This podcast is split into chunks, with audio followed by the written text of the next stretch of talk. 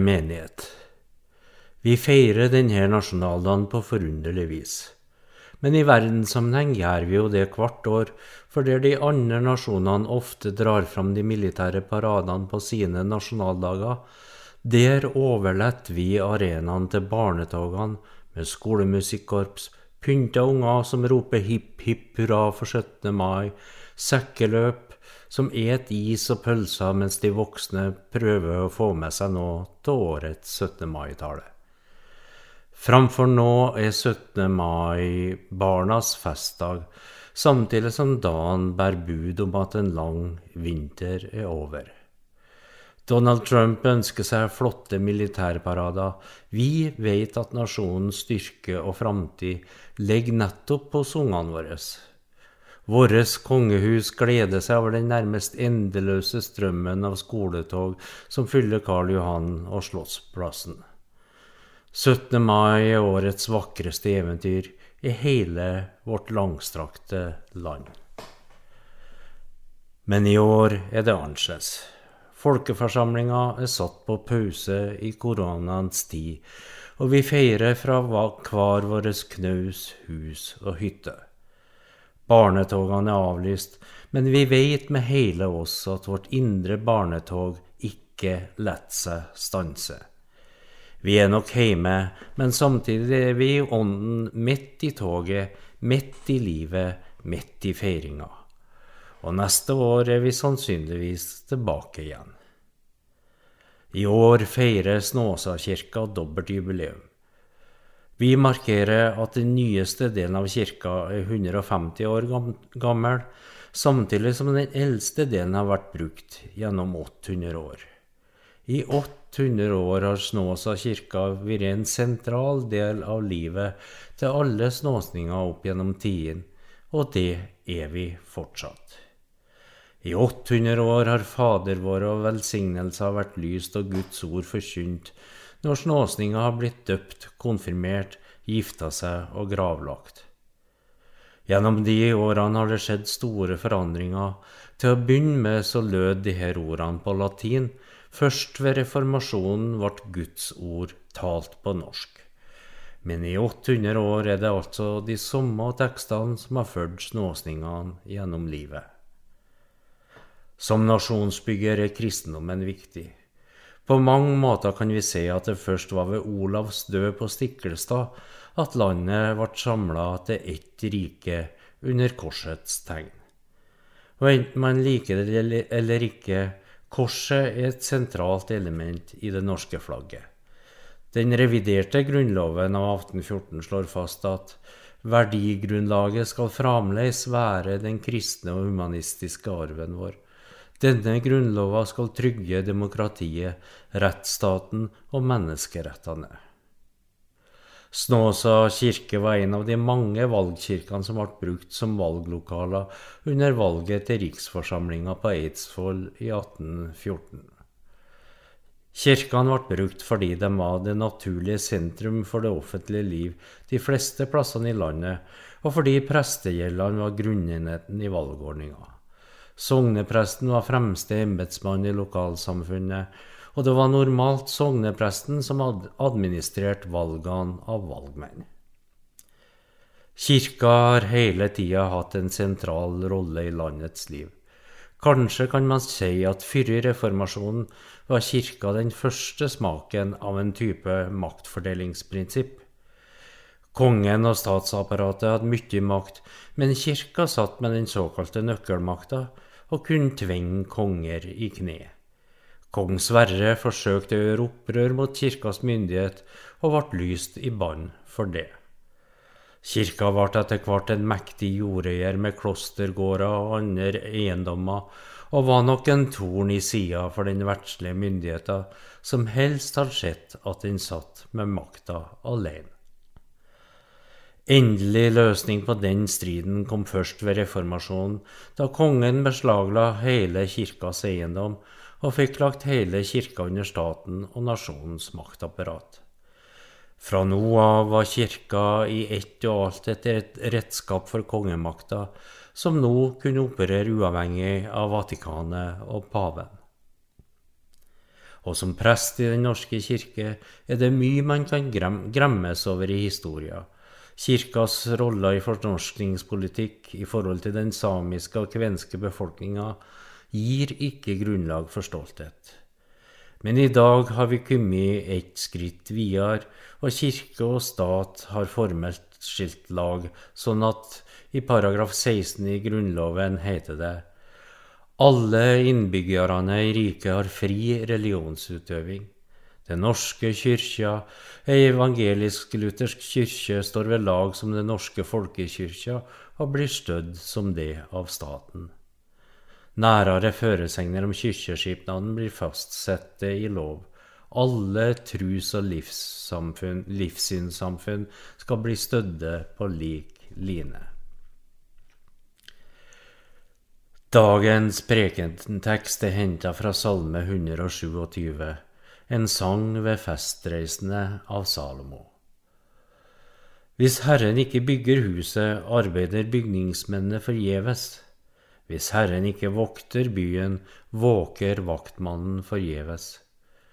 Forgjeves står dere tidlig opp og setter dere sent ned og spiser brødet dere har slitt for. Det samme gir han sine venner mens de sover. Barn er en gave fra Herren, livsfrukt er en lønn. Så vidt jeg kan skjønne, er dette en advarsel mot å glemme Gud, vår skaper og livgiver. Mye av vårt daglige strev og kav er fånyttes om det ikke samsvarer med skaperens verdier. Både som nasjon og som enkeltindivider gjør vi klokt i å samstemme oss med Vår Herre.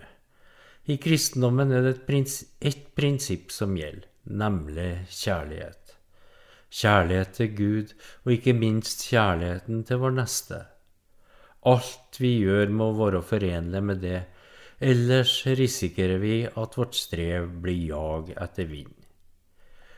Også i koronaens tid, eller særlig i koronaens tid, må vi huske at Gud, Han som skapte verden og alt som er i den, Han som er herre over himmel og jord, han bor ikke i tempelet reist av menneskehender. Han trenger heller ikke noe av det som menneskehender kan tjene ham med. Det er jo Han som gir liv og ånde, ja, alt til alle. Hele menneskeslekta er forbundet med hverandre. I kirka bruker vi å si at vi alle er lemmer på Kristi kropp. Når ett av lemmene lider, vil hele kroppen merke verket og smerten. Vi er alle forbundet med hverandre og kan derfor ikke slå oss til ro med at vi har det bra, hver for oss på hver vår egen lille knøs. Og sjøl om Gud kanskje ikke trenger noe av det som menneskehender kan tjene Han med, så trenger vår menneskehet at vi handler med kjærlighet og omtanke for hele vår klode og menneskehet. Håndvask og avstand er den fasten jeg vil ha, kan vi si, men også støtte til fattige land i deres bekjempelse av pandemien. Pandemien er et globalt problem som minner oss om hvor sårbare og tett forbundet vi er med hverandre. La oss forenes i handling og bønn for verden, og la oss håpe at neste år kan barna igjen erobre gata og torg 17. mai. Ære være Faderen og Sønnen og Den hellige ånd, som var, er og forblir en sann Gud fra evighet til evighet. Amen.